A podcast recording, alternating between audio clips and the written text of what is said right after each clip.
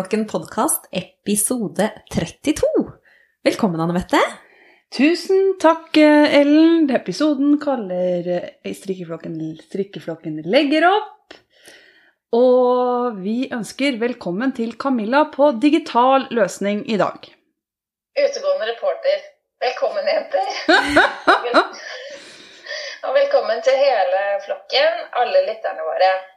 Nå gleder vi oss til å komme, igjen, komme i gang igjen etter en lang sommerferiespause.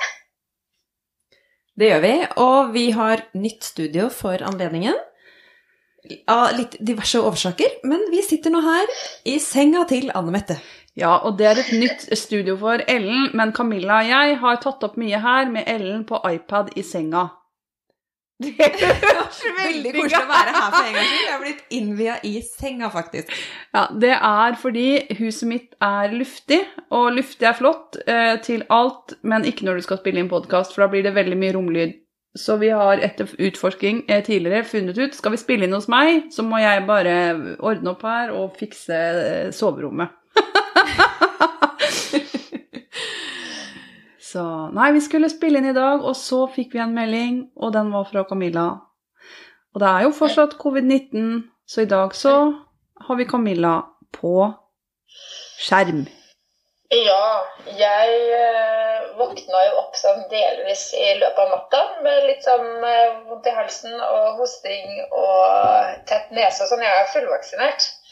Men eh, jeg tenker at det er greit å la være å gni seg inntil folk akkurat i, i dag. Og det pleier jeg å gjøre. Jeg klarer ikke å å gni meg inntil. til nei da. Så jeg er i hvert fall her sammen med dere via iPad eller hva det er. Så det syns jeg er fint. Jeg får lov til å være med likevel. Og det er godt å endelig være i gang igjen, for nå er det lenge siden sist. Ja, vi har hatt eh, strikkepodkast i to og et halvt år. Ja. Eh, Vi har jobba med den i tre og et halvt år. Det begynner å bli en vane. Vi er opptatt om sommeren. Ferdig snakka. Ja, og det kommer til å bli ingen episoder juli og august så lenge vi holder på. Ja. det har vi lært. Yes. Men nå er det september, og vi har eh, I hvert fall jeg strikka mye eh, og gjort mye annet i sommer. Skal vi ta en sånn kjapp sommerresymé? Jeg er så for sommerresymé. Nå tar vi en oppsummering av hva vi har drevet med i sommer. Kanskje rett og slett Ellen skal begynne? Det kan jeg godt. Eh, vi har vært på norgesferie med familien, på biltur. Eh, kjørte opp til eh, Trondheim eh, og tok et par netter der. Var innom Unikt Garn, faktisk, butikken der. Oi. Mhm. Eh, og så kjørte vi jo da videre eh, via Averøya, og jeg var innom Kristiansund og Kaffebrenneriet. Hilste på Yvonne der. Det var veldig koselig. Eh, og så visste jeg jo da at eh, Monica i Strikka meg rundt hadde hytte på Averøya.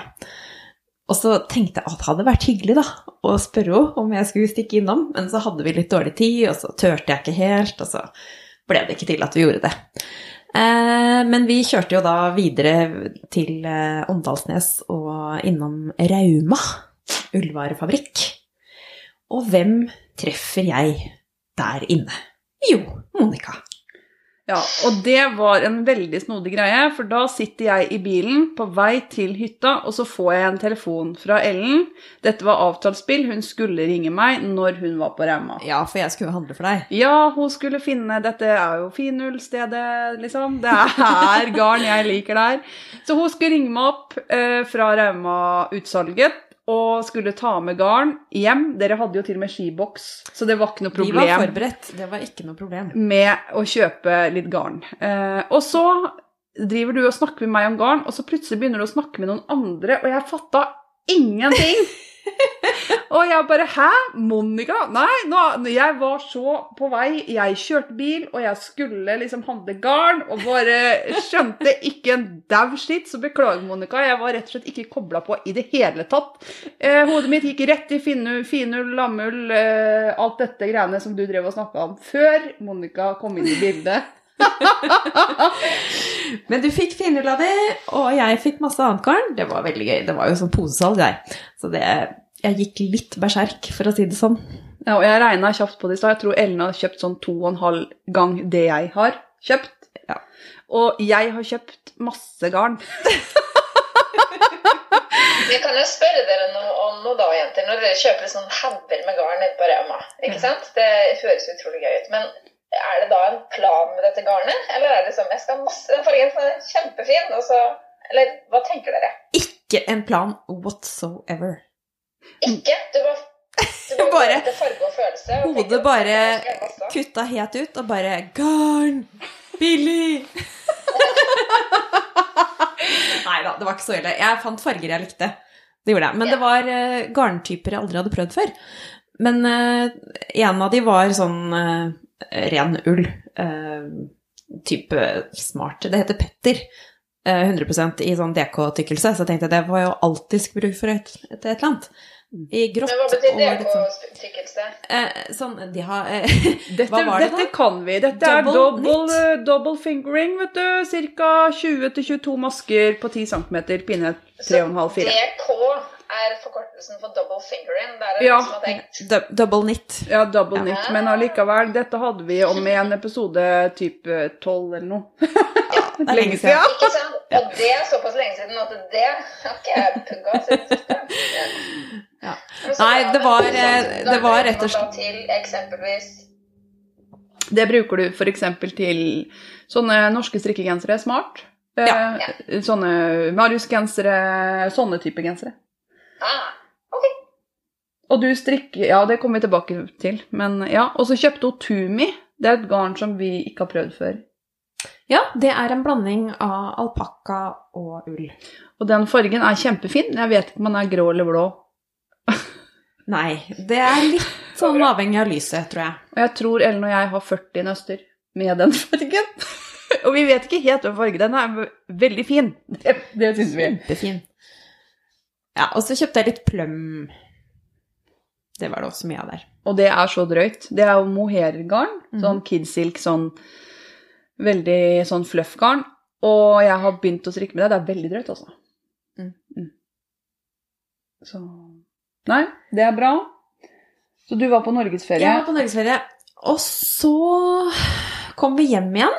Og dagen etter at vi kom hjem fra den eh, turen her, så mm, leste vi i avisa at det skulle være eh, en kajakktur eh, som het Vansjø rundt.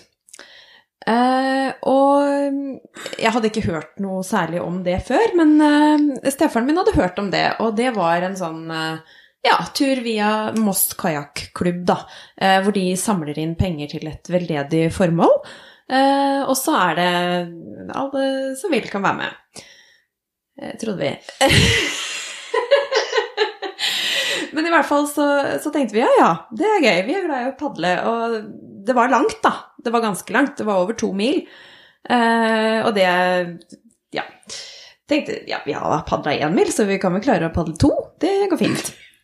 Og, og melder oss på, da. Og så dagen, eller den dagen etter, da, så, så, så tenkte jeg sånn "Ah, Er det her egentlig en tur, eller er det en konkurranse? Um, og det viste seg jo at det var en konkurranse i aller høyeste grad. Uh, og det begynte jo liksom å synke litt inn da, når vi kom til påmeldingen der. Uh, og de spør ja, hvilken klubb tilhører dere? Eh, klubb? Nja, Moss, kanskje? og så var det jo sånn du kunne velge mellom to forskjellige distanser, da. Én mil og to mil. Og så sto det under at én mil, denne kan alle være med på. Og så tenkte vi ja ja, nå har vi padla et par år, dette går fint. Vi får ta to. Er med, så får vi gjøre det ordentlig. Du tuller! Det er lov til to, det. Og så møter vi jo en del som vi kjenner litt sånn halvveis, eh, som er sånn ordentlig muskelbunt, altså. Sånn skikkelig. Du ser at han har padla Han har padla før. mye, og han har padla fort. Ja. Eh, og så sier han ja, nei, jeg har meldt meg på én mil, det holder i massevis. Og vi bare mm, ok, ja ja. Men vi tenkte vi får bare la det stå til, da. Og så, så begynner vi liksom å skjønne at hvor dette her bærer hen. Eh, men by the way, det her er ikke helt ute av strikke. Jeg hadde med strikketøy, bare så det er sagt. Satt Ja, for du skulle på tur. Jeg skulle på tur, så jeg hadde med strikte i, kajak, kajakken. Eh, og satt og strikka før vi skulle av gårde og sånn, altså. Så, så, så det er strikking inne i bildet her. Men i hvert fall da vi skulle komme oss bort til målstreken, da, eh, så var det jo oss og, og, og ti andre, tror jeg. Det var ikke veldig mange. Vanligvis er det sånn at det er typ 100 påmeldte, men pga. covid så var det jo ikke det. Um, og det pleier jo også da å være eh, folk som ikke er bare proffe. Det pleier å være litt sånn Noen tar det for tur, noen tar det som mosjon. Eh, Vi tok det som tur, da. Eh, Så stiller vi opp på startstreken der, og liksom bare Klar, ferdig, gå! Plask! Og så bare vum, forsvant alle de andre. Og der sto Bård og jeg. Spruten fra andres Rett og slett. Og det bølja noe så sinnssykt, fordi de tok jo bare helt av. Og de var jo 100 meter foran oss i løpet av tre sekunder. Og vi visste jo ikke hva som skjedde. Og jeg lo så fælt at jeg klarte jo nesten ikke å holde meg flytende. Men så tenkte vi ja, ja, dere får bare padle på. Dette tar vi i eget tempo. Ja. Og så var det jo sånn at de som da hadde vært fornuftige nok til å velge én mil, de skulle starte ti minutter etter oss. Det tok ikke sånn kjempelang tid før de hadde tatt oss igjen. Eh, og så eh, på vei opp Masseelva, da, som denne turen gikk eh, all, Begge distansene gikk den veien. Eh, de som tok én mil, skulle snu. Eh, det skulle ikke vi, da. Så eh, kommer disse følgebåtene da, og liksom ser litt sånn bekymra på oss. Og er dere helt sikre på at ikke dere skal snu her borte, dere også? Går an, det? nei, nei, nei, vi skal på tur! Tre sånne følgebåter prøvde å overtale oss til å snu. Men vi, vi til slutt så klarte vi å overbevise dem at eh, bare, bare dra, vi trenger ikke følgebåt. Vi, vi skal ta det som en tur, og vi vet at vi kommer til å bruke veldig mye lengre tid enn alle de andre. Og det tok veldig mye lengre tid enn alle de andre. Det tok såpass lang tid at alle hadde pakka sammen da vi kom i mål. Og jeg har ledd så mye av det her, fordi at du ringte meg opp et par dager seinere og fortalte den episoden her. Jeg har sett for meg Bård og Ellen sitte i sin kajakk med Ellen med litt strikketøy liksom nedi der.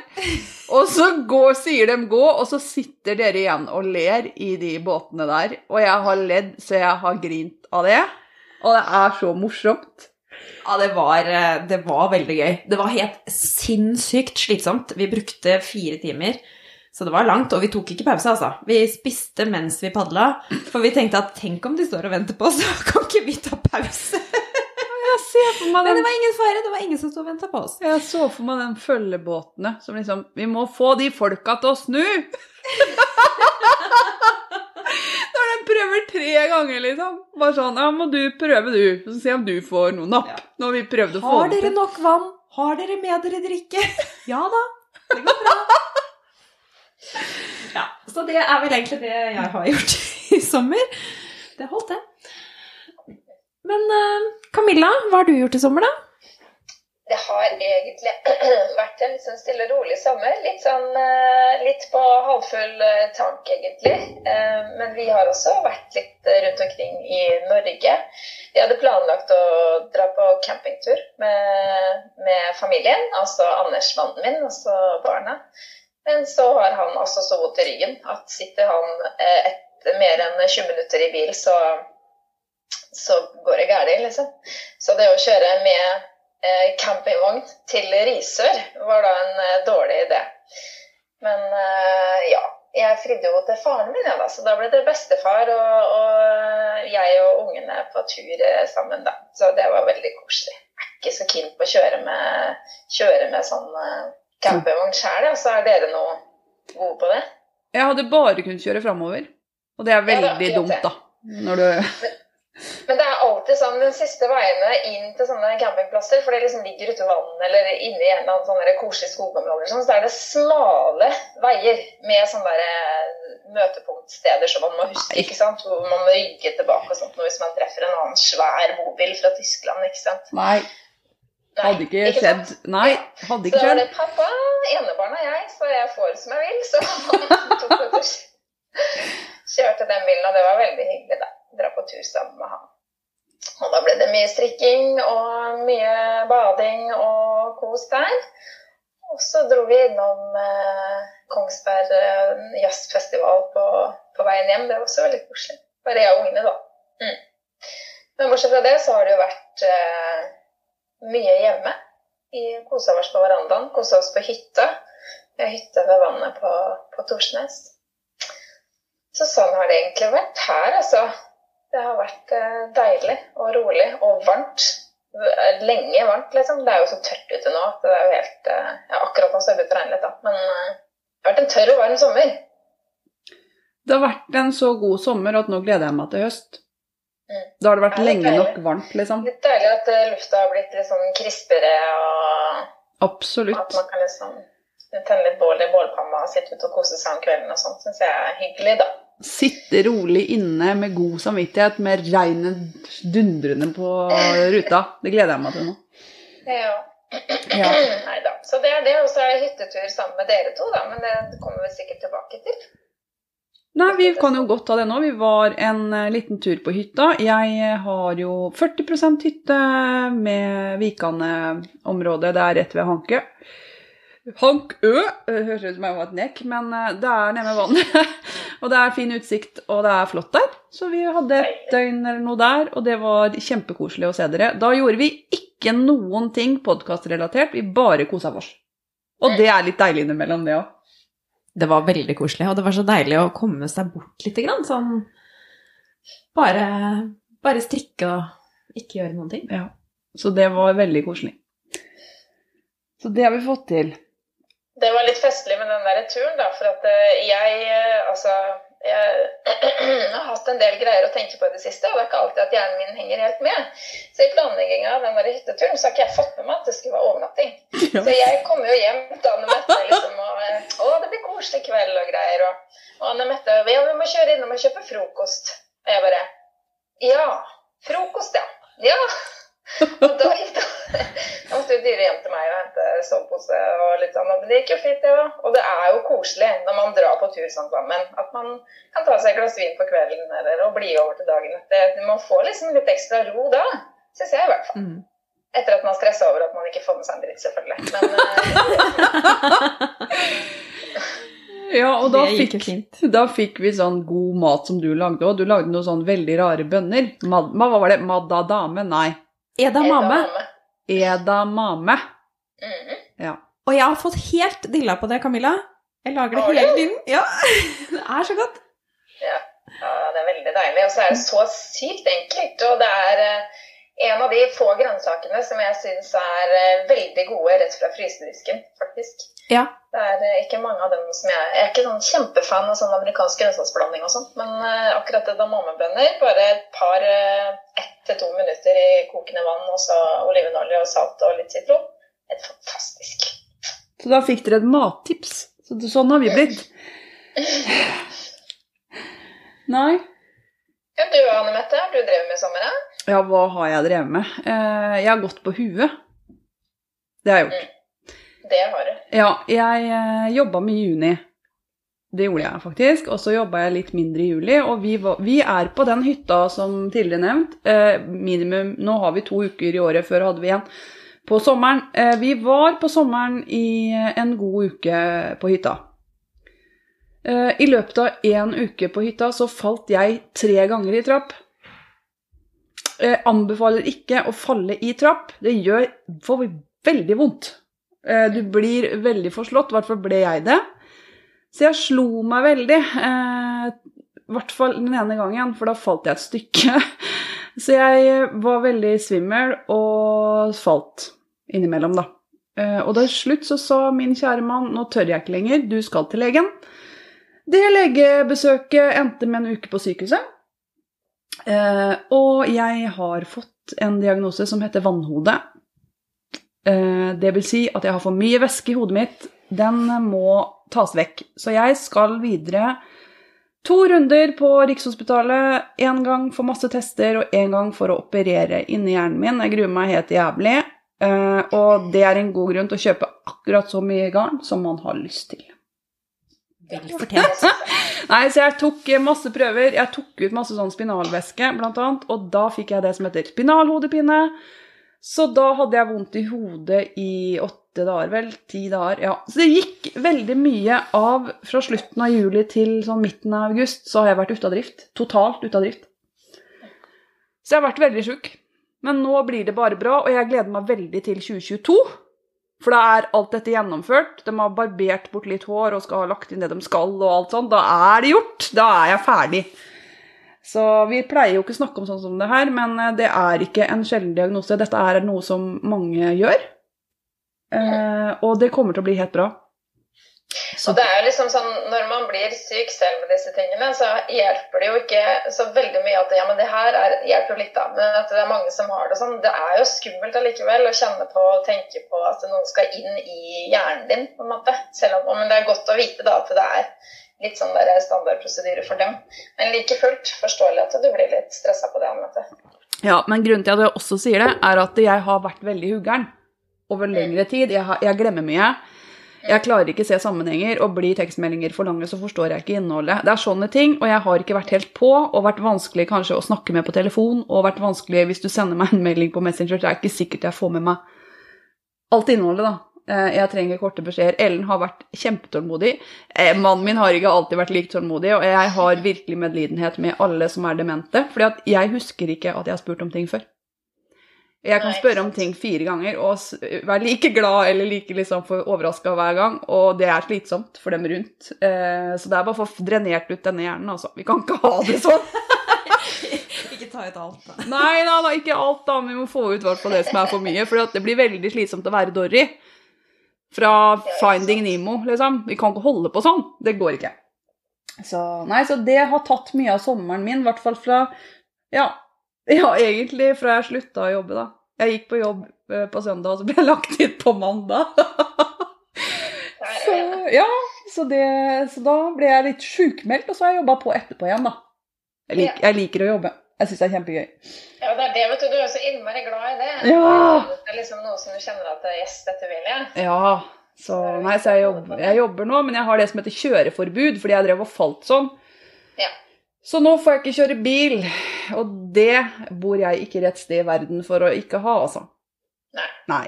Så det er litt knotete å bli kjørt på jobb, og Ellen må hente meg for å dra på festival, og liksom det er veldig sånn åh! Men 15. Eh, oktober så kan jeg kjøre. Så det er fint. Og så, mens jeg er innlagt på sykehus, så får vi en ny katt. Å ja. For da kommer Gulla. Hun kommer ikke, hun blir henta. Uh, og det er søstera til kattene til Ellen. Det visste ikke jeg. Er det det? Ja, vi har bare katter fra den gjengen der vet du, her i huset. Forrige gang var det uh, kusina, nå er det rett og slett halvsøstera. Vi vet jo ikke hvem foreldrene eller faren er til dette vesenet. Det vet vi ikke. Men mor vet vi hvem er. Mor vet vi hvem er. Og de har like lange haler, disse tre involverte, da. Det har de. Eh, så Gulla er jo Læres jo opp til å forstå at garnnøster er ikke leketøy. Og det eh, sitter litt langt inne, altså. Så hun hadde i går mens jeg var på jobb, gått løs på et hvitt tuminøste som var helt med banderole når jeg dro. Er ikke det nå? Så vi jobber med det. Eh, veldig koselig med kattunge igjen, og hun er helt super. Veldig, veldig søt. Ligger bilder av Gulla på Instagram. Eh, jeg ville jo at hun skulle hete Bella, for det betyr jo nydelig eller pen eller noe sånt. Det ble Gulla. Etter Harry Potter Gulla. Så det er fint. Eh, det var også Katt Solo et øyeblikk, istedenfor Han Solo. Men da tenkte jeg det orker jeg ikke. så Og så har vi vært på Søring podkast-treff, Camilla. Det har vi, vet du, Anne Mette. Det var koselig. Det var veldig koselig. Måtte du hente meg? Ja, da måtte jeg hente det, vet du. Og det røk nesten på en smell der òg, for at det, plutselig så fikk vi for oss at vi skulle male ene veggen her hjemme. Og, men det gikk fint. Da kalte vi inn svigerforeldrene til dugnad. Så fikk vi gjort det unna, og så fikk vi, dratt, fikk vi begge deler. Så det var veldig bra, altså. For en stor gjeng eh, som kom i år. Jeg var ikke med, I fjor var det Ellen og Anne Mette som dro. Ja, Mm. så, ja, og Ellen var vel eh, i konfirmasjon. Ja, Det var jeg. Så jeg kunne ikke. Jeg måtte liksom gå dit. Du måtte Ja, det skjønner jeg. Vi var invitert til eh, Bare en maske til. Jeg var det som arrangerte. Det var hos eh, Terje og Inge Hanne? Gea i Rygge. Så du Mm. bodde jo egentlig rett ved òg. Jeg gjorde det, vet du. Ja, kort vei hadde du hatt, vet du. Mm. Så jeg vet ikke hvor mange podkaster vi var der, Camilla. Det 20? vet ikke jeg heller. Jeg er så dårlig til å gjøre sånne overslag. Jeg tror det var var 20. helt svær gjeng. Ja, jeg tror vi var over 20. Mm.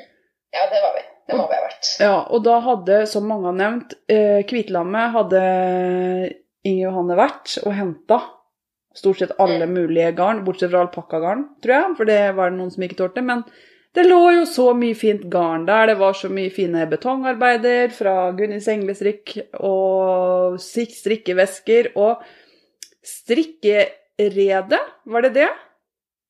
Som hadde shiagu-pinner og sånn. Ja, Mm. det var det. Det. For det måtte jeg jo kjøpe. Så det var Hun er jo strikkedesigner også, i tillegg til å være YouTube-kanal. Nei, og så masse hyggelige folk.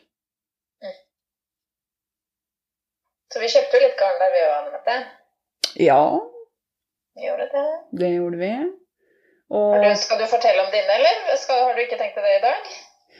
det vi kan uh, si, var at uh, vi For når vi kommer dit, så har Camilla tatt med seg en eh, stol som hun pleier å ha med seg på strand. På stranda, tror jeg hun pleier å ha den stolen. Ja. For det var en sånn uh, Skal du si det, du? Som ja eieren? jeg, kan, jeg kan gjøre det. Jeg, jeg vet ikke hva som skjedde. For jeg, det var sånn der jeg skulle skynde meg. Og så bare røsker med meg den første sammenklappbare stolen jeg finner i garasjen på veien ut. Eh, og da tar jeg sånn sånn Jeg sitter jo basically på gulvet, liksom, med haka på bordet. Altså, det er jo helt, helt ned på bånn. Så da forbarma Inger og Ane seg over meg etter at vi lo litt av det. Så fikk jeg låne en eh, ordentlig godstol med sånn der koppholder, eller som nøsteholder, da, som vi brukte den til. Ja, det var veldig gøy. For vi var den eneste lydpodkasten som var der. Mm. Og det at vi da på en måte havna litt under bordet, det er jo greit. Ja. For vi ville jo Vi ville jo ikke oppi der. eh, Så det passa. Nei, så det passa så fint at liksom jeg jo kunne være litt under bordet der. Mm. Nei, så Det var veldig veldig hyggelig, så tusen takk for at vi ble invitert. Og takk til Bare en maske til for invitasjonen. Og takk til alle som var der. Dere gjorde dagen til en superdag. Dere vet hvem dere er. Ingen nevnt, ingen glemt, tror jeg vi Jeg tror vi holder oss til det. Men vi skulle jo ønske at vi kunne få prata litt med flere. Men når det blir eh, mange, så er det ikke så lett å få til. Men eh, koselig var det, i hvert fall. Men det ble jo en stolsituasjon til. Ja. Det kan du fortelle om. Ja, det kan jeg fortelle om. Fordi etter jeg hadde vært, vært inne og sett på noe garn og greier, så skal jeg sette meg ned i stolen igjen, og da skjer det et eller annet med stolen min. Og jeg trodde at nå har stolen kollapsa. Den stolen er sånn stol som jeg pleier å ha med meg på sånne skoleavslutninger ute på sånne grillting. Eh, Det har ikke vært grillting og skolearrangementer, for det har vært covid-19 nå i to år. liksom. Så den har stått og rusta bort på låven. Så den var litt sånn rusten og sliten. Så tenkte jeg at nå dør den stolen her. Så hvis jeg reiser meg opp nå, så går det gærent. Så jeg satt stille de siste to timene, og det var noe kakegreier. Og jeg spør sånn «Eh, 'Camilla, kan du ta med litt kake?' Og Camilla bare 'ja, ja, ja'. ikke sant? Jeg skjønte jo ikke at det var derfor. Da Nei. datt jo lenger og lenger ned. Jeg datt jo lenger og lenger. Vi skulle sitte under det der. Det er ikke meninga vi skal være tydelige, tror jeg, for jeg forsvant lenger og lenger ned. Eh, og så skal vi dra hjem og sånn, og så tenkte jeg liksom jeg skulle teste stolen når jeg kom hjem, for jeg tenkte jeg har rett og slett sittet i stykker stolen min, og da virker stolen helt perfekt. Det jeg har klart å få gjort, er å få liksom tatt sammen stolen litt, og så satt meg oppi den mens han ikke er slått ut.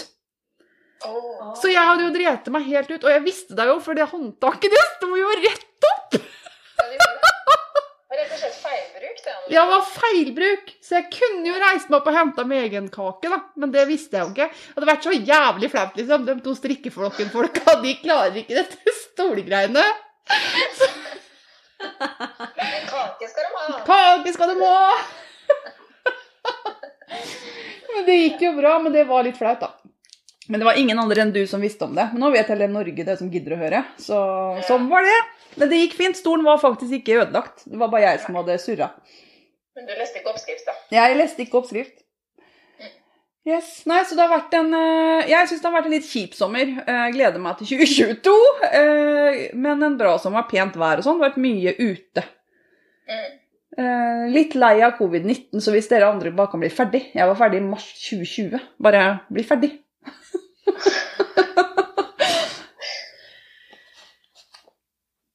så sånn er det. Skal vi Men eh, hva har dere strikka siden sist, da? Skal vi ta, bare gå rett over på det? Ja, Skal vi gjøre det først, ja? Det kan vi jo egentlig gjøre. Ja, vi kan det. Ja, jeg synes det. Og så kan vi bryte opp, og så kan vi ha hva strikker du på nå etter vi har vært i, i Sør-Amerika. Ja. Det er greit. Ja. Skal du begynne, Camilla? Ja, og da er det 'hva har vi strikka ferdig siden sist' som er greia nå, ikke sant? Kanskje... Ja. Riktig. Ja. Ja, ja da er lista lang. Dere kjenner jo meg. Ja, vi har god tid, vi. Det er sånn. Det er, jeg har jo strikka en del i sommer, men jeg er liksom ikke helt ferdig med noe. Det er liksom det som er greia for meg. Eh, fordi at det er en del strikketekniske eh, ferdigheter som ikke jeg har eh, lært meg enda. Eh, jeg eh, fortalte sist gang at jeg var i gang med å strikke den novise-cardigan fra Petit i Chunky Edition. Ja. Mm. Den er jeg jo ferdig med. Eh, men jeg har strikka rundt og rundt, så den må sys og sys på stolper. Eller strikkes på stolper. Det er Ja. det eneste som er igjen. Sy, klippe. Det, det, det kjipeste er igjen. Ja, Mm. det kjipeste er igjen. Og det som jeg, jeg lurer litt på for jeg har sett på de der Randsfjordstrikk-jentene på YouTube. Og hun eh, Gry-Anita og, og Erna, er ikke det? Jo. Og hun Gry-Anita hun pleier å gjøre sånn innimellom når hun strikker stolper, så har hun bare sånn én knapptyp, og ikke, lager ikke knapper nedover hele knappestolpene, men én sånn knapp å ha med. Og det er veldig ofte sånn at når jeg har sånne kofter, og spesielt litt sånn store, så eh, bruker ikke jeg å kneppe igjen alle de knappene likevel. Så jeg lurer på om jeg skal gjøre, lage en hempe eller et eller annet sånt bare på den. Jeg vet ikke. Jeg har ikke bestemt meg.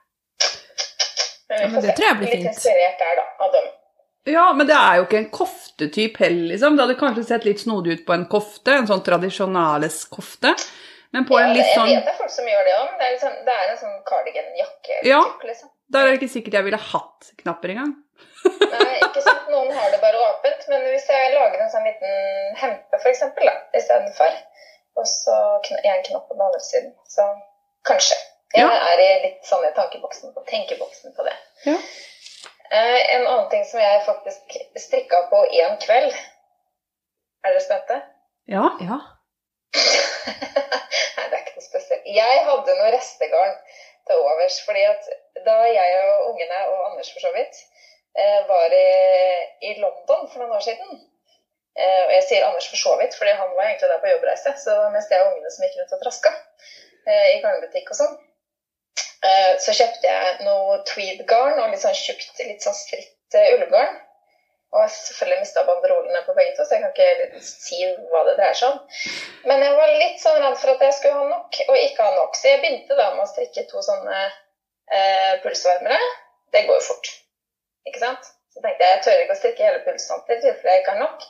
Og det her sånn med meg Jeg snakka om i stad da vi var på, på sånn strikkepodkast-treff, at jeg syns det er vanskelig med overslag. Det gjelder også garn, for å si det sånn.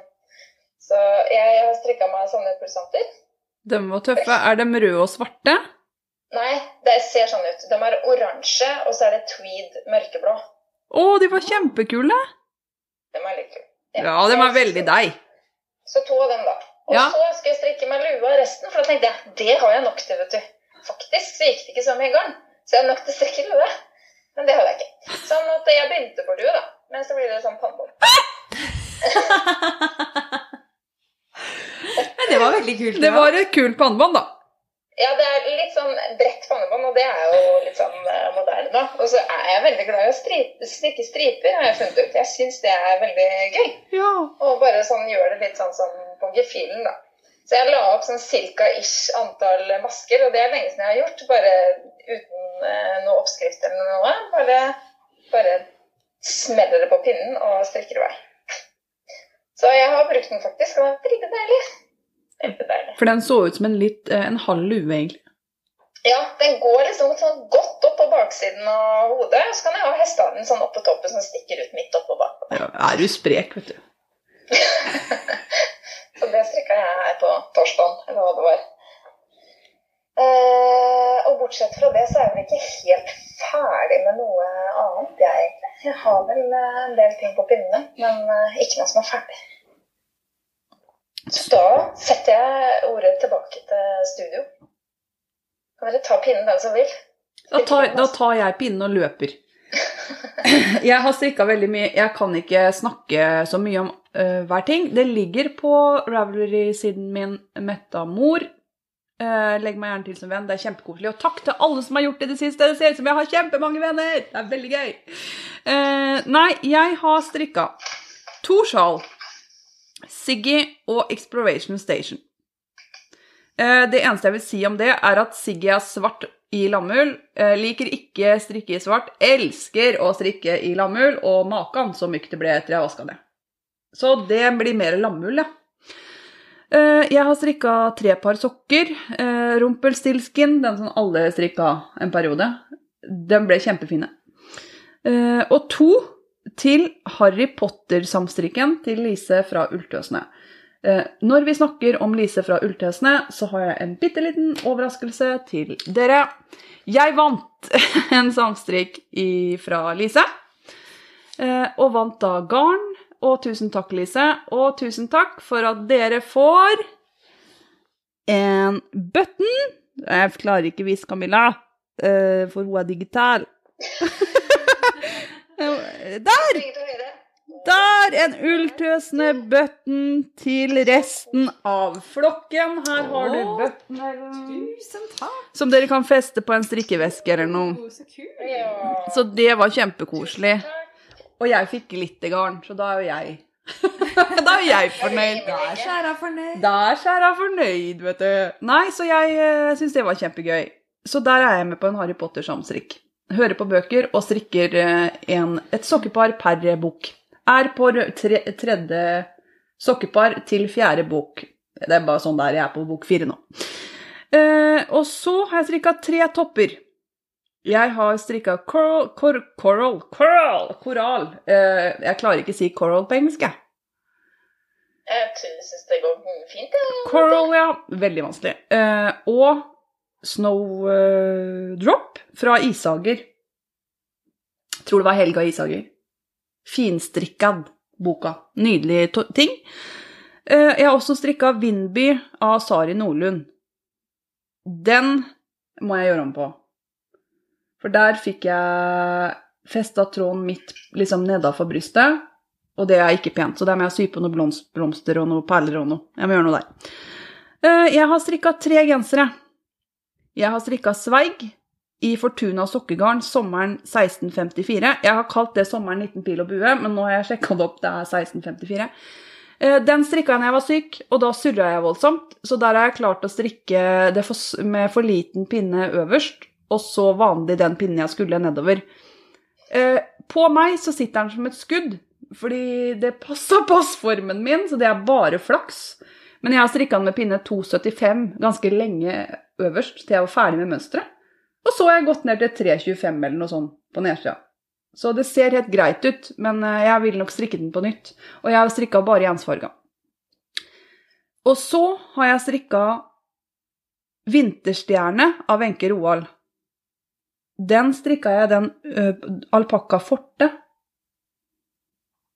Eh, og der eh, la jeg inn eh, perler. For det gjør jo jeg. Bling, bling, skjære Anne Mette. Den har jeg brukt masse. Nydelig genser. kjempefin. Nydelig garn. Mykt. Passa så godt med de perlene. Ja, og ikke mange perler heller, men den Det gjorde seg med litt bling. Litt bling. Og så, det siste jeg er akkurat ferdig med nå, det er Markveien av Inga Semmingsen. Det er i finull, som Ellen har tatt med fra Rauma-utsalg, og Cavney, som er blå. Og sånn sjattert blå. Og så har jeg strikka et par pulsvanter. Og de er grønne. Og glitrende, selvfølgelig. Eh, Så det er det Grønne glitrende med pulsvante. Ja, det er riktig. Så det er det jeg har strikka i sommer. Det er ganske mye. Eh, og det er jo fordi jeg var syk og satt rolig. Kunne ikke gjøre noe annet enn å sitte rolig ganske lenge. Mm. Så nei, så tre nye gensere, da. Og tre nye topper og Ja da. Men tenk om du ikke hadde hatt strikkinga. Da hadde det blitt kjedelig. Da hadde du sittet mye rolig uten å gjøre noen ting. Er det noe jeg har lært nå, så er det at strikking det betyr veldig mye for meg. Og det å ha nok garn i lager til å bare strikke genser på genser, det er viktig for meg. Mm. Så det er tatt på største alvor. Og jeg var så heldig at jeg fikk lov å se det innkjøpte garnet i stad. Og det er ingen fare. Anne Mette har garn. Ja. Ikke, ikke bekymre dere, flokken. Nei. Dette går bra. Eh, Etter Bent Høie ga meg den, eh, den før påske der, så har jeg bare lært at her må hun ha garn, ja. Ja. Ja. Så det at jeg ikke har garnlager, det er bare Det er fortid. Det har jeg nå. Nei, men Ellen, har du strikka noe i sommer, da? Ja, jeg har det. Ikke så mye som deg, men eh, litt har det blitt. Eh, jeg har strikka en uh, valdreskofte til eh, fetteren min, som ble 30 år. Eh, det er sånn åh, Hvorfor kan man ikke planlegge litt lenger i forveien enn bare Oi, det hadde vært hyggelig å kunne strikke til han. Det er bare noen få uker til. Det rekker jeg sikkert. Jeg gjorde det. Jeg rakk det akkurat. Men det blir jo sånn stressstrikking da på slutten, så det, da, da liksom gikk den foran i køen. Det var ikke så mye annet. Det ble strikka på. Men den eh, ble ferdig, den passa, og han var fornøyd. Så den strikka jeg da i smart koks, eh, koks grå, eller altså 1088 og natur. Mm. Fra Sandnesgarden. Eh, og så har jeg også strikka en piontopp. Det er også et mønster fra Sandnesgarn, men det strikka jeg i det her, eh, den lille garnskatten fra som jeg har spart på siden eh, strikkepodkast-treffet i fjor, som vi kjøpte på Fortuna. Fortunas sokkegarn. Å, Bly. bly! Ja. Og der var jeg jo litt stressa på at jeg ikke hadde nok garn. For jeg hadde regna ut at eh, det skulle sånn gå akkurat eller akkurat ikke. Men eh, jeg visste at du, eh, Anne Mette, hadde en rest, så jeg spurte pent om jeg kunne få kjøpe det hvis jeg ikke hadde nok. Og det, men jeg hadde nok. Jeg hadde 35 gram igjen, ja. Mm. Og det er ganske mye. Mange meter. Mm. Så den, eh, men den ble passe. Eh, Bregnegenser har jeg snakka om før, men nå er den i hvert fall ferdig. Eh, og så, apropos dårlig planlegging, så hadde jeg en venninne som eh, har fått en liten sønn som skulle døpes. Og sånn to uker før dåpen så tenkte jeg ah, skal jeg strikke noe til den babyen, da? så da gjorde jeg det. Og da ble det en Marius-dress til han. Og den eh, strikka jeg faktisk i eh, noen rester fra den derre Cortina-genseren min. Det er en, et garn som jeg tror har gått ut, eh, som heter eh, Superwool fra Dalegarn. Tror jeg det var. Ja. Eh, og den Jeg tilpassa mønsteret lite grann, for jeg syns at den eh, er litt sånn baggy og posete. Det er jo et eh, litt sånn type 80-tallsmønster i, i fasongen, så jeg gjorde den litt eh, smalere og lengre, kanskje. Mm. Men jeg tror den skal passe etter hvert. Eh, og så har jeg strikka Nordic Nights av Jennifer Steingass.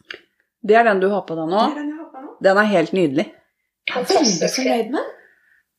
Jeg har uh, ikke brukt den sånn kjempemye, for den er relativt nystrikka, men uh, den er god og myk og varm. Kjempevarm. Det er det samme garnet som jeg strikka Wenche Roald uh, Vinterstjerne i. Alpakka forte Ja, fra Dale. Mm.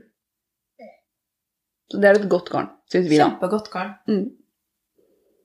Mm. Eh, det er det jeg har strikka på i sommer. Tror jeg. Jeg tror ikke jeg har glemt noe. Det er i hvert fall det jeg har lagt inn på Ravelry. Så der ligger eh, fargekoder og litt av hvert sånn, hvis noen lurer på det. Det høres bra ut. Skal vi dra til eh, Sør-Amerika? Ja, vi gjør det. Ja, vi gjør det. Rio. Vi skal dra til Rio, vet du.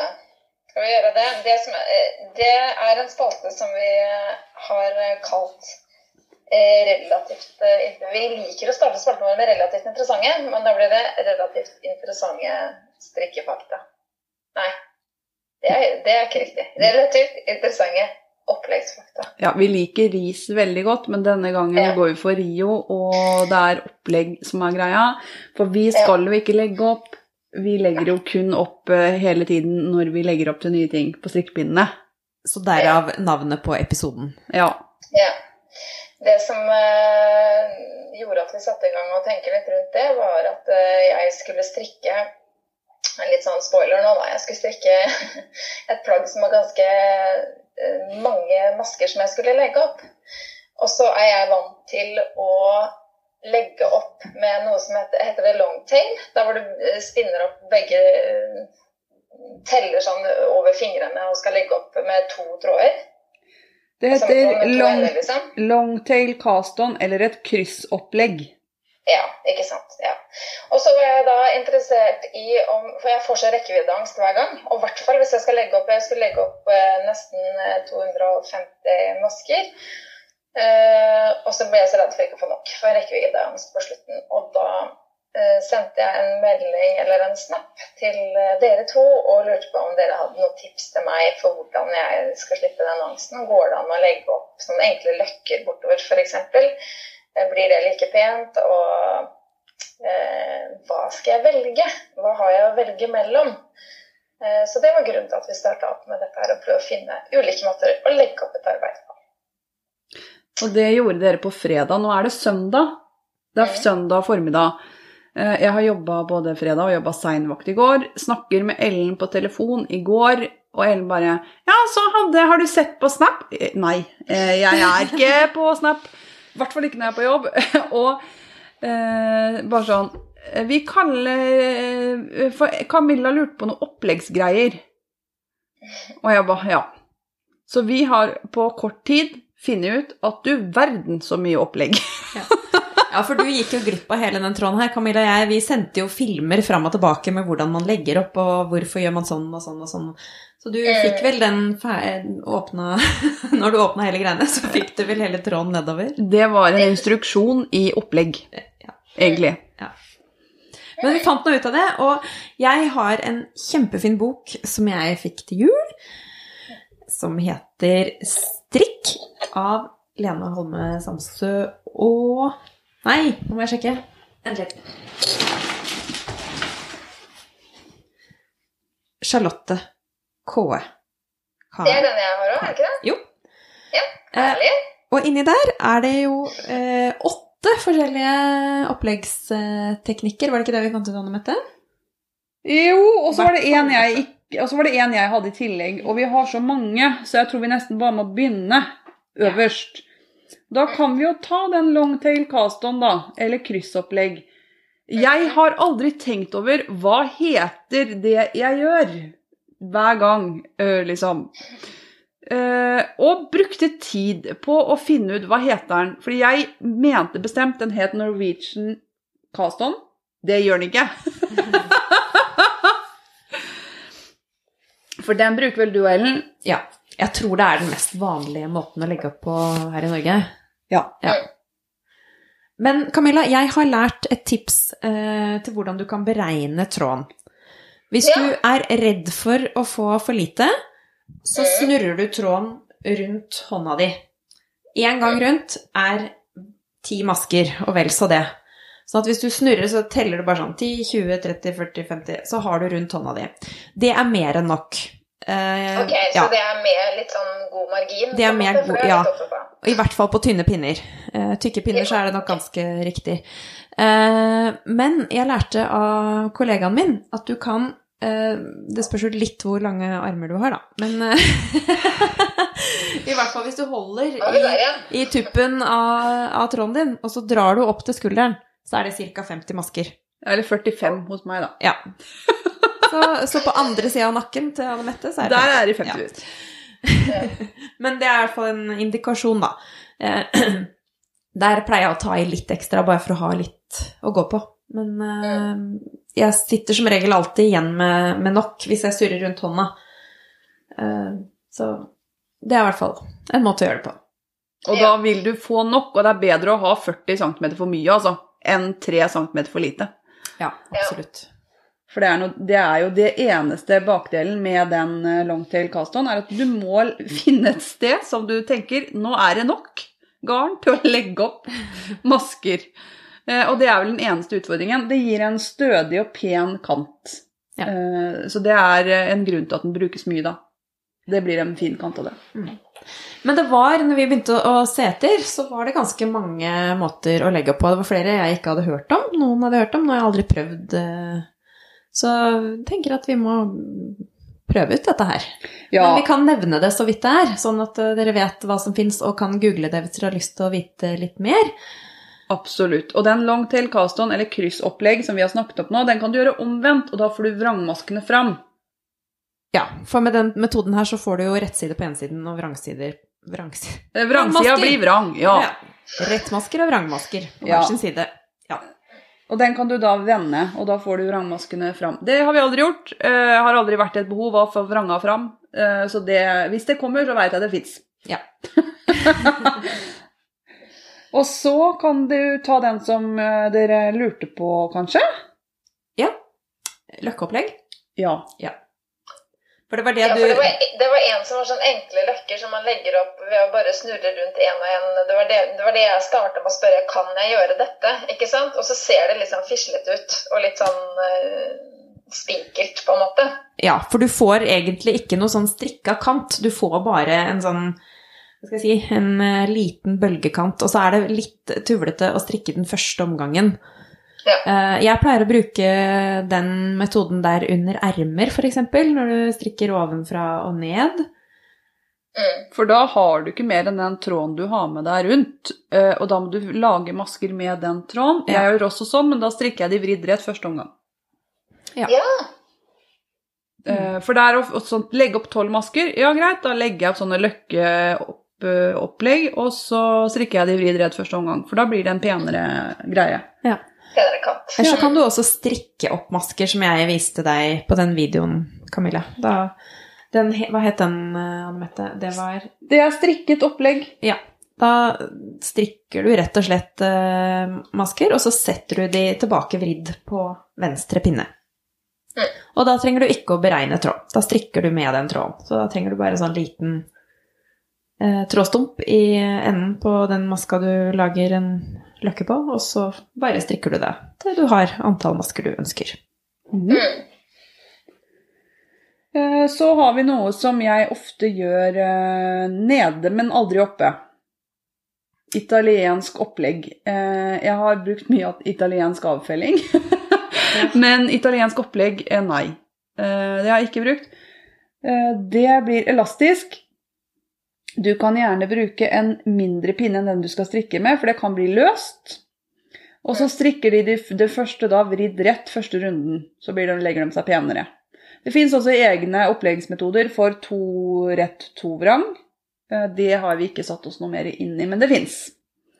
Og det er vel ganske mange videoer på YouTube som illustrerer det her òg. Jeg hørte dere snakka litt om det i stad òg, og jeg har jo vært inne og titta, jeg òg. Sånn at det, det legges ut eh, videoer og, og med eksempler da, på hvordan man gjør det. Absolutt. Mm.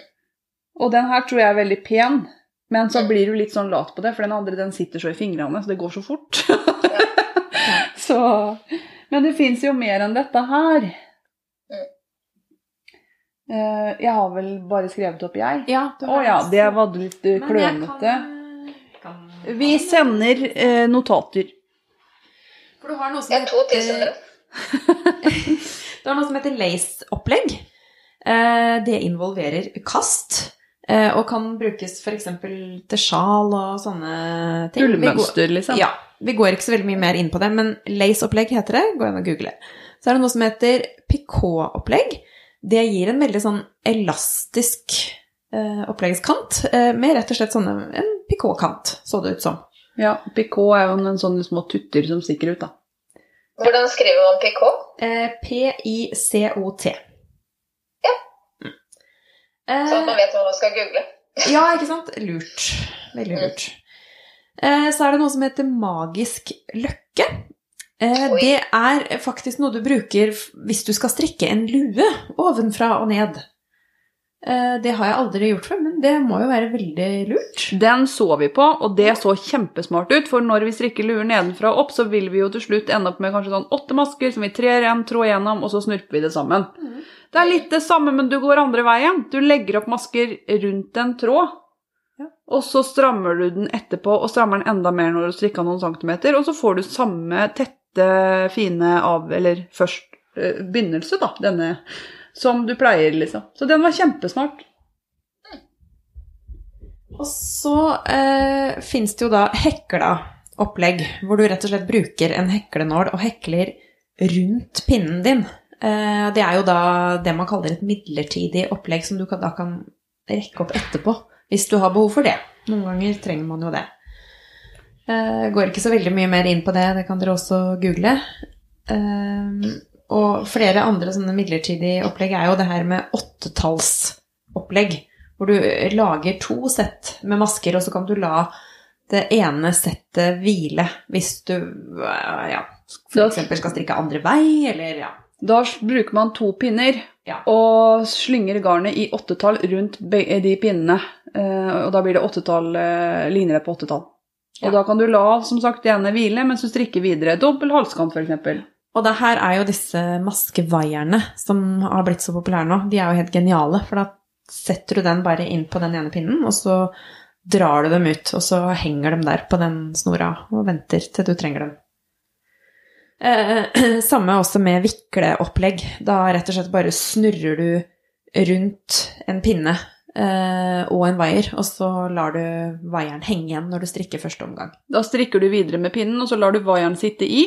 Og da har du den vaieren til å kunne dra på masker igjen og strikke videre.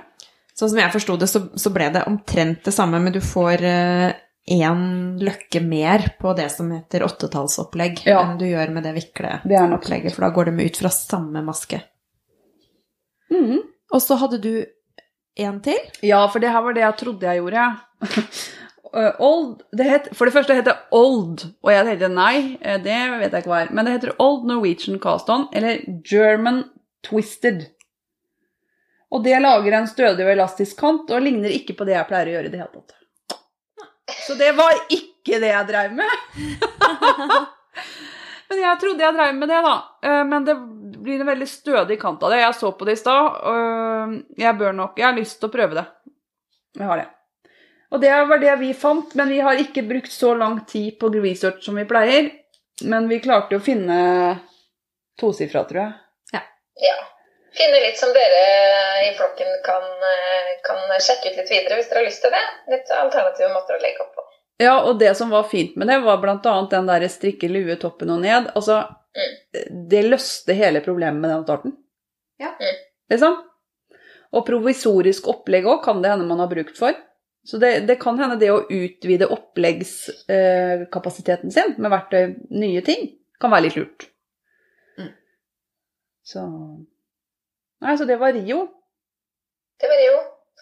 Skal jeg eh, skyte inn eh, min lille, mitt lille segment da? Hvis Gjør dere det. husker hva vi snakka om i stad, med Kirkens Bymisjon? Skal vi ta det senere? Gjør det, du, så går vi videre på samstrikkene våre etter det. Det kan jeg gjøre. Eh, Vi har snakka litt eh, sammen om dette her på tremannshånd eh, tidligere. eh, Om at eh, Kirkens Bymisjon har disse kjente oransje skjerfene. eh, Og lurte på hvor vi skal på en måte få fletta inn dette inn i vår podkast. Vi syns det er viktig, og Kirkens Bymisjon syns også det er viktig å få et mer varmere og mer inkluderende samfunn, er liksom mottoet da, for disse rosa skjerfe, nei, oransje skjerfe-aksjonen, da. Og nå er jo det i gang igjen. Eh, nå nærmer det seg jo eh, kaldere dager, og det er mange som trenger litt ekstra varme. Både rent fysisk og eh, sånn sosialt, sikkert. Eh, og da kan man da strikke oransje skjerf, votter, sokker eller lue. Eh, man kan bestille strikkepakke på kirkensbymisjon.no. Eh, og så er det frist for innlevering 1.11., da. Det er veldig enkle lue- og våttersukkerskjerfoppskrifter. Eh, og hvis man bestiller det som strikkepakke, så får man da med både garn og oppskrift. Hvis ikke så går det an å bare bestille oppskrift også. Så vidt jeg forstår. Uh, ja. Så fristen for innlevering er 1. november. Det er derfor jeg har lyst til å si noe om det nå. At jeg bruker jo litt lang tid på å strikke og trenger god tid på meg hvis, hvis, jeg, skal, hvis jeg skal få ferdig noe. Eh, Men vi syns det er viktig å bidra og hjelpe til og ville si noe om det. Så hvis dere strikker noe til Kirkens Bymisjon, eh, oransje tema, så er det også fint Så dere hashtagger det på Instagram med et hashtag et varmere samfunn eller hashtag Kirkens Bymisjon. Det blir de veldig glad for. Sånn at det spinner litt av seg, og folk hiver seg på. Og så kan dere egentlig ta bilde av det, og så kan dere få lov til å være med i en samstrikk som vi har neste år. Eh, Det kommer jeg på nå, og beklager jenter at jeg kaster denne ballen rett på dere. Men jeg syns det er så viktig at eh, folk kan få være med og kanskje få et lite lodd. Eh, og vi skal vel spinne videre på dette neste år. Eh, men akkurat nå så er det kjempebra at du tar det opp, Camilla. Og vi er veldig bra å ta det opp nå, siden fristen er 1. november. Men vi har jo noe gående. Eh, Vi har en samstrykk. Som heter Sommersamstrikk. Det har kommet inn 200 bidrag. Er veldig, veldig Det gøy. er helt fantastisk. Vi har egentlig ikke satt noe uh, sluttdato enda, men eh, vi har sagt sånn ja, sånn ish september. Så vi lar den gå ut september og avslutter den 30. Eh, så dere har litt tid fortsatt. Uh, tusen takk til alle som har bidratt med bidrag. Det er kjempegøy. Det ligger på strikkeklokken eh, Ravelry-gruppe. Der ligger skravletråd, og den er faktisk litt i bruk. Og takk, altså! Kjempegøy. Endelig så har jeg laget skravletråd som blir noe av. Og vi har eh, en ferdig tråd, og der er det 200 bidrag nå. Så vi må skaffe noen premier, jenter, men det fikser vi. Vi har noen, da. Vi har noen. Vi har det. Ja. Eh, Den 1. oktober så kjører vi i gang vår årlige Det er tredje runden nå.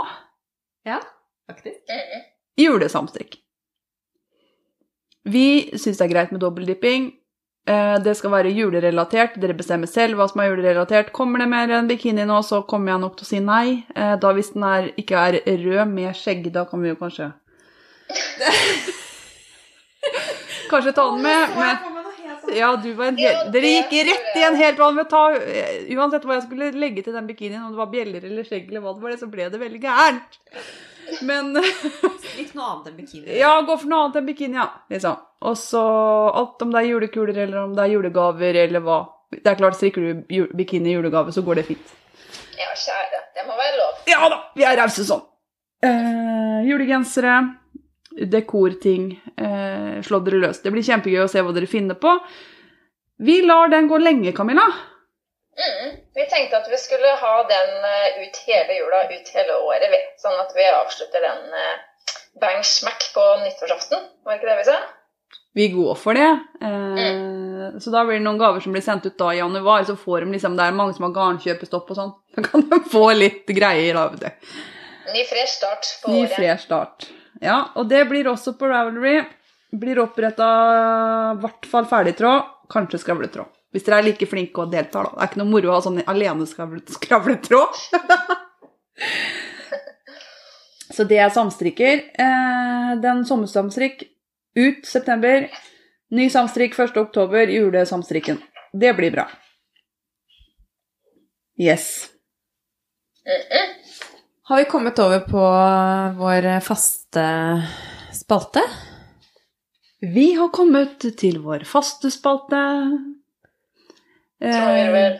ja, jeg bare lurer på om jeg skal løpe og hente noe. Ja, det kan du gjøre. Gjør det. Så kan dere begynne med dette. Ja, Hvis det blir det.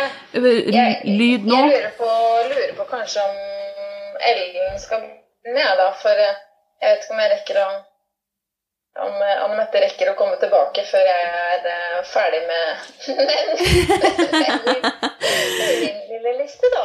Ja. Jeg har Det henger ikke nok av. Bare du, Ellen. Ja, jeg har ikke så mye på pinnene jeg heller, altså, så det er relativt fort gjort. Men eh, jeg ble syk denne uka her.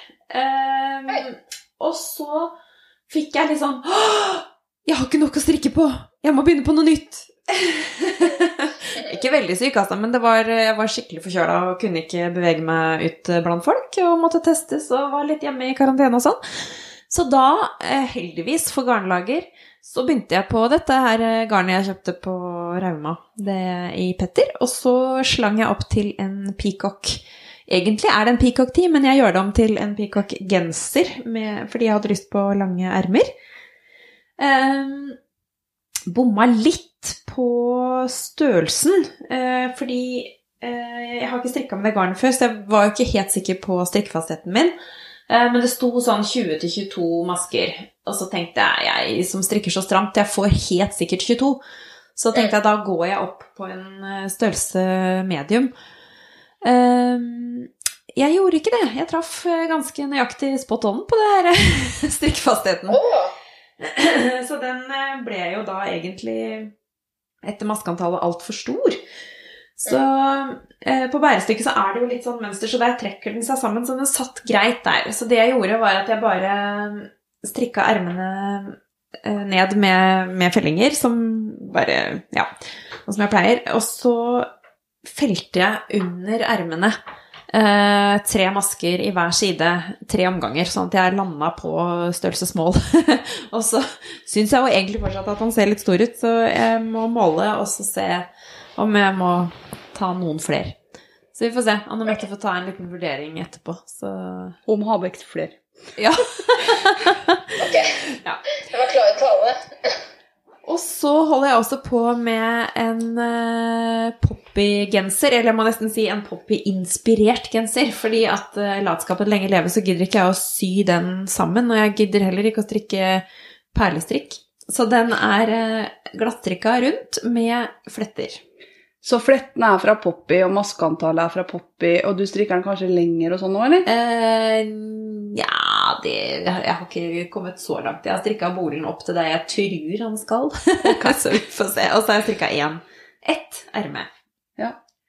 Men uh, den er litt sånn Det er tykke pinner, sånn at uh, jeg blir litt eh, sliten i skuldrene av den. Så må Det var derfor jeg måtte begynne på noe annet. Å ha noe innimellom.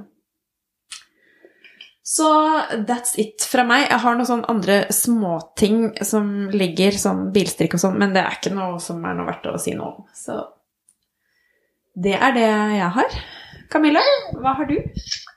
Åh, jeg må bare lette mitt hjerte, fordi at eh, jeg har altså strikka på den hersens Unnskyld meg, den er sikkert kjempefin, men jeg får den ikke til.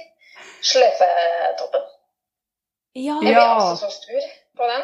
den du strikker med strikker dine? Fordi at det skal være kast i hver eh, runde, og jeg får det ikke til pent. Det blir forskjell på høyre og venstre side på den dumme, dumme sløyfa.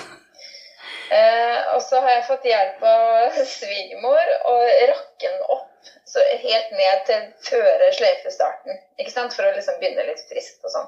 Jeg tror jeg har prøvd å strikke ned sløyfa fire ganger. Eh, og så rett opp rundt hele. Én og én maske. Ikke sant? Oh. Og det er kjempetidkrevende, i hvert fall for meg som har liksom pølsefingre og Det er tidkrevende for alle de der, Camilla. Ja, det er det. Eh, men svigermor hun er ikke noe redd for å bare ta ut pinnen og, og raske opp og, og dra i vei og putte inn pinnen igjen på slutten. der, Så hun gjorde, hjalp meg med det eh, tidligere i sommer. Litt usikker på om jeg har fortalt om det her før, faktisk. Men eh, i hvert fall, så har den ligget litt brakk. Så tenkte jeg jeg går på med friskt mot igjen. Og nå gidder jeg ikke å strekke den dobbeltsleifa. Nå bare strekker jeg den opp sånn at det blir ferdig. ikke sant? Med bare vanlige raglan-fellinger og sånn. Og så strekker jeg rundt og rundt raglan-fellinger annenhver omgang. Eh, I ganske mange omganger. Helt til jeg finner ut at jeg skulle jo hatt eh, åtte eh, innskrenkninger, eller åtte Hva heter det for noe tar? Fellinger. Åtte fellinger i hver runde, ikke fire. Så etter 15 runder da, med fire fellinger istedenfor åtte, så blir jo dette her en kjempelang raglanfelling på toppen. Ah, så nå har jeg bare kasta hele i en pose og lagt den langt inni strikkeskuffen min der sola aldri skinner. Og jeg er bare litt sånn der eh, strikkedeprimert pga. den. Eh, kommer til å ta den opp og sikkert gjøre den ferdig på et eller annet tidspunkt, men nå skal den få lov til å ligge og marinere litt inni skuffen min altså, mens huet mitt blir litt sånn i, i vater igjen. Det er noen ganger som noen ting bare går skikkelig skeis. Ja. Sånn er det. det er, den er sikkert fin og sånn, men jeg tenker at jeg kommer ikke til å få brukt den før til våren neste år allikevel, så det kan få lov til å ligge der. Um, en annen ting som jeg også har strikka på ganske lenge, det er ull fra Sandnesgarden. eh, Fra en etter et eller annet fra norske ikoner. Og jeg strikker den i originalfargene. Og vi har snakka om før om jeg skal ha med de røde detaljene eller ikke på en hvit genser. Jeg var litt redd for at det skulle farge og litt sånn. Eh, Det har også ligget en liten stund. Plukka den opp igjen. Jeg strikka ferdig bolen. Eh, Og så hadde jeg for meg at jeg strikka ferdig det ene ermet opp til der hvor mønsteret skal begynne, for det er mønster på ermet også. Jeg hadde for meg at jeg hadde strikka det, men jeg finner jo ikke den. Jeg mistet jo strikketøy imellom, det vet dere jo. Det er en gjengangsgreie, det. Eh, Så tenker jeg, vet du hva, nå bare surrer jeg sikkert, så nå bare begynner jeg å strikke første ermet. Eh, og så ser jeg det var litt finere med litt lengre eh, vrangborder enn det som sto i oppskrifta, så jeg strikka den litt lenger da, på det første ermet. Og når jeg da er ferdig med å strikke hele det ermet opp til der hvor mønsteret skal begynne, så finner jeg jo det andre ermet som jeg har strikka fra før. Det er mye mindre kant. Ja, så da må jeg rekke opp det. da. Jeg kan jo ikke ha én av hver. eh, Ellen. Nei, det går ikke. Var det derfor du spurte om du kunne strikke på en vrangbord? Ja, Ja, nå forstår jeg jo det! det var derfor. Om jeg kunne bare lage den vrangborden. Men den var litt sånn annerledes. Jeg vet ikke hva jeg hadde gjort. Men jeg tror jeg hadde strikka vanlig rett og vrang på den ene. Og jeg liker å strikke vridd rett og vrang når jeg strikker vrangborder. Jeg syns det blir litt sånn tightere. Tight. Ja, nei, det blir det. Og hvittere. Ja. Så da tok jeg rett og slett og tok opp hele det ermet. Og begynte på nytt igjen. Så nå har jeg strikka ferdig hele det ene ermet med mønster og øh, oppleggskant, eller hva det heter for noe. Heter det på toppen? Når man skal isitte. Avfelling. Av ja, et eller annet. Den kanten som skal i hvert fall inn på. Og belegg, belegget. belegget har du strikka. Belegget Hallo! Og så Men, men ble det rødt? Ja, jeg valgte å ta med det røde. Og jeg syns det ble så fint. Å, ja, så kult! kult. Så jeg er fornøyd med det. altså. Det er så sjelden jeg vasker de der ullgenserne likevel, så jeg tenker jeg bare lufter, lufter litt godt. Eh, og så er jeg ferdig med å strikke det andre ermet fram til mønsteret. Så nå skal jeg begynne på mønsteret på andre erme. Eh, så nå nærmer det seg jo slutten på den lange reisen som jeg og godeste ullgenser fra Sandnesgarden har vært på. Det, det har vært litt av en tur, men eh, vi nærmer oss slutten. Eh, og så har jeg lagt opp det vi snakka om i stad, at jeg skal legge opp så innmari mange masker. Eh, og grunnen til at vi snakka opplegg i dag, er at jeg har starta på Emily posebukse. Faktisk. Hæ? Oi, oi, oi. Yes. Er det voksen eh, pose Er det bukse? Det er voksen posebukse.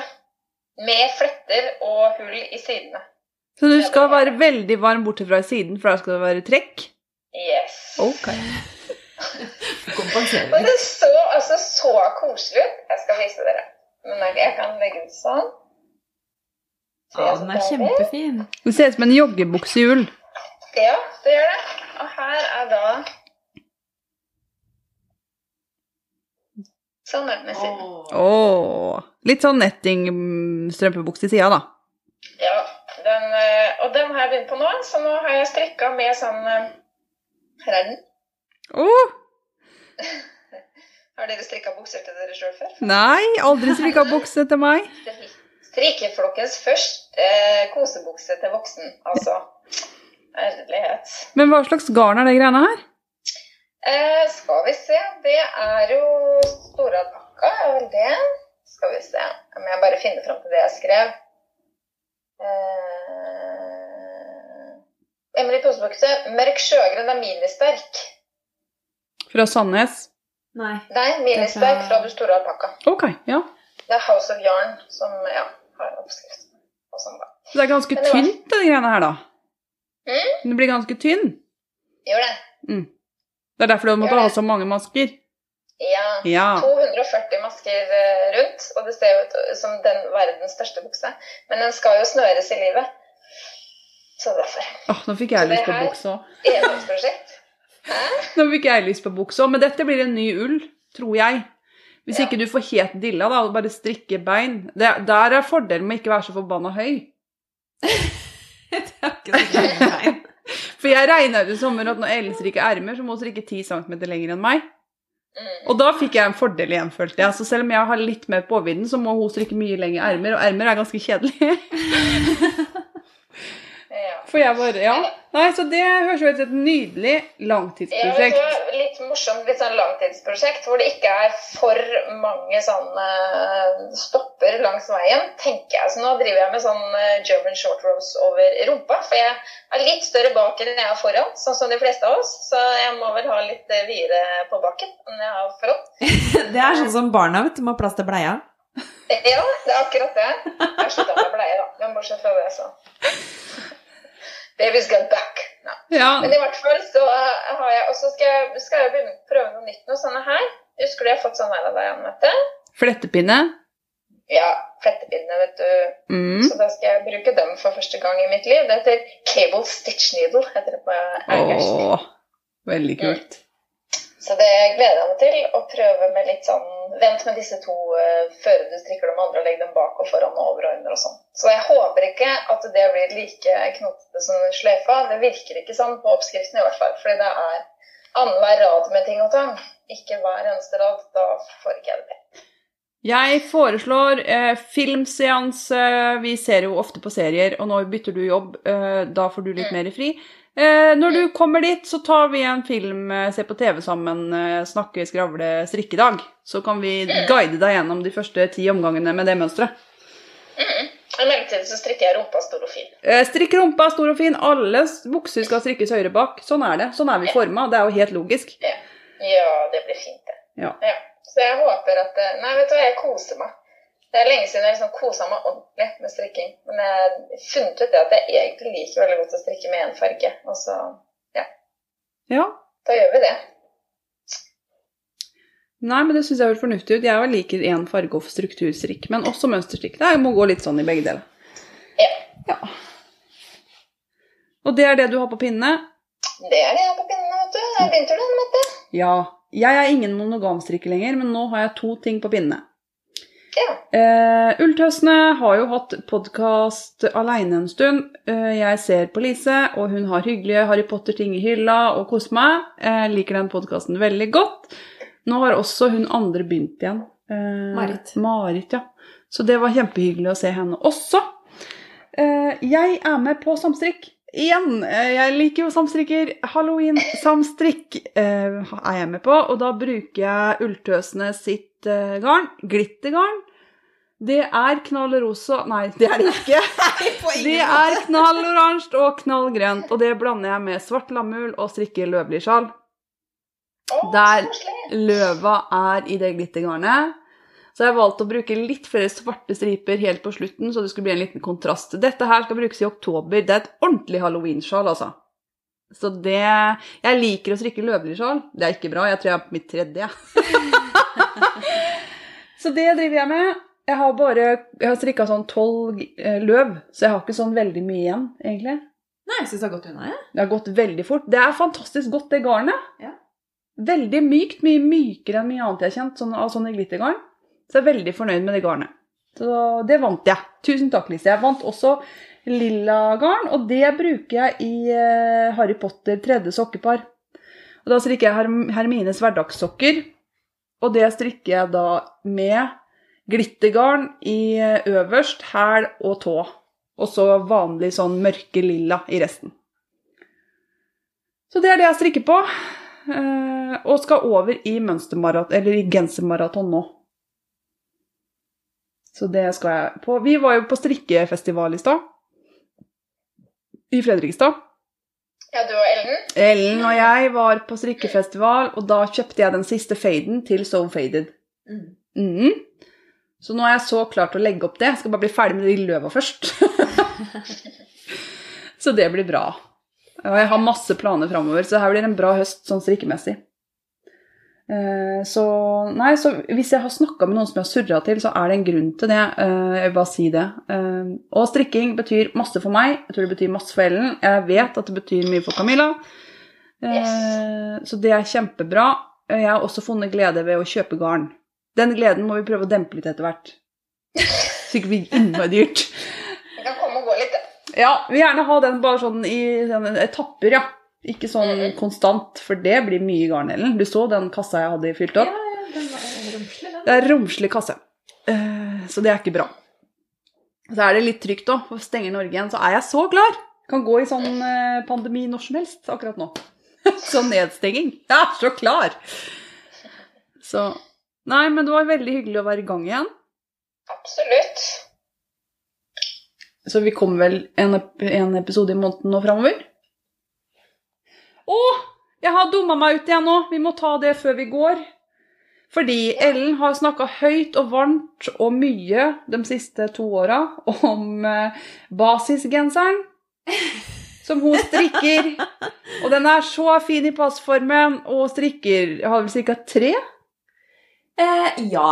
Altså, den siste gjorde jeg om litt, da. Siden jeg tenkte at ja, driver jo faktisk eh, strikkepodkast, kan ikke bare strikke det samme hele tiden. Så eh, ja, det er maskeantall og eh, form opp til bærestykket, og så er det litt annen eh, eget design derfra og opp. Og det var den genseren jeg har sett. For der har du lagt fletter i raglanden. Den er helt nydelig. Og så tenkte jeg storesøstera mi, hun trenger en sånn genser til jul. Og jeg kjøper lace tynt alpakka og har pløm fra Ellen har vært på Rauma. Og kjører i gang. Og den øh, strikker lange ermer, da. For dem, hun har lengre ermer enn meg. Og bare kjører på med vridde, rette border og tenker jeg vil også ha flette i raglandsfellingen i denne genseren, for det var så fint. Og strikker ferdig, bortsett fra halskant, og ser på greiene og begynner å le. Ja. Fordi min genser har kranser. Skal vi se, hvordan skal jeg få visst deg det, Camilla? Rundt hver, hver skulder så er det en flette. Ja. Så det ser ut som en krans. Når du har på deg genseren, så ser det ut som du liksom skal til et eller annet romersk sted og bare være. For du missa rett og slett den Ja, her har vi fletta vet du, rundt armen. Ser du armen her? Jeg skal legge ut bilde av de greiene her. ja, Eh, det må du gjøre. det ser helt burn ut på. Og så syns jeg han er Jeg har brukt for tynt garn, så han er litt sånn slaskete og tynn. Veldig gjennomsiktig. Jeg er ikke fornøyd, da, for å si det sånn. Så noen ganger går det skikkelig gærent. Og jeg kunne ikke skjønne når jeg holdt på med det her, at Ellen syns det her passformen var noe fin. For da visste jo ikke jeg at du hadde gjort din egen vri på den med fletter. For hadde jeg brukt på vanlig glattstrikk, så tror jeg det hadde blitt kjempefint. Jeg tror det hadde sittet som et skudd på søstera mi. Jeg kan ikke gi henne sånn her til jul. Det går ikke. Nei, det kan du ikke. Nei, det for kan det, ikke. Det som er greia med det mønsteret, er jo at det ser ut som det er is i ermer. Eh, men det er ikke det. Det er en raglan-konstruksjon som gjør at du bare syr sammen helt øverst. Og, eh, så skal du egentlig sy sammen på skuldrene også, men der har jeg vaska sammen, sånn at det ser, blir helt sånn sømløst. Eh, glemte å si det til deg. Beklager. Nei, Det var jeg som skulle ringt før jeg begynte, men jeg tenkte jeg har jo mønster, og dette går fint. Jeg har strikka før, jeg, liksom. Fader, altså. Så det var jo noen døgn strikking der òg, da. Ja. Så jeg må begynne på nytt. Så finne en annen, annen opplegg til storesøster. Så da er enda en ting jeg må gjøre ferdig før jul. Men det kommer til å gå fint. Men eh, den, er ikke, den er ikke fin. Eh, så det, eh, moralen er hvis du skal strikke noe som du har sett noen andre har strikka, spør om de har gjort noen endringer. Ja. Hvis ikke så kan du komme skikkelig gærent ut. Det kom det nå. Så sånn er det. Vi er på gmail, strikkeflokken at gmail.com. Vi er på Rowlery som Strikkeflokken podkast. Og vi er på Instagram som Strikkeflokken podkast. Vi er aldri på Facebook, men vi har en gruppe som heter Strikkeflokken. Jeg er så beklager det, jeg skal inn. Lover. Det har vi sagt i to år nå. Jeg veit. Kanskje vi bare skal slutte å reklamere for den kontoen. Jeg vil bare la være, så går jeg bare inn og sier hei innimellom. Ja, Yes, Men vi kommer tilbake neste måned. Det gjør vi. Det kan hende noen måneder at vi gjør litt annerledes framover. Vi får se. Ja. Vi tar det som det kommer. Ja. Yes! Så vi I Vi strikkes!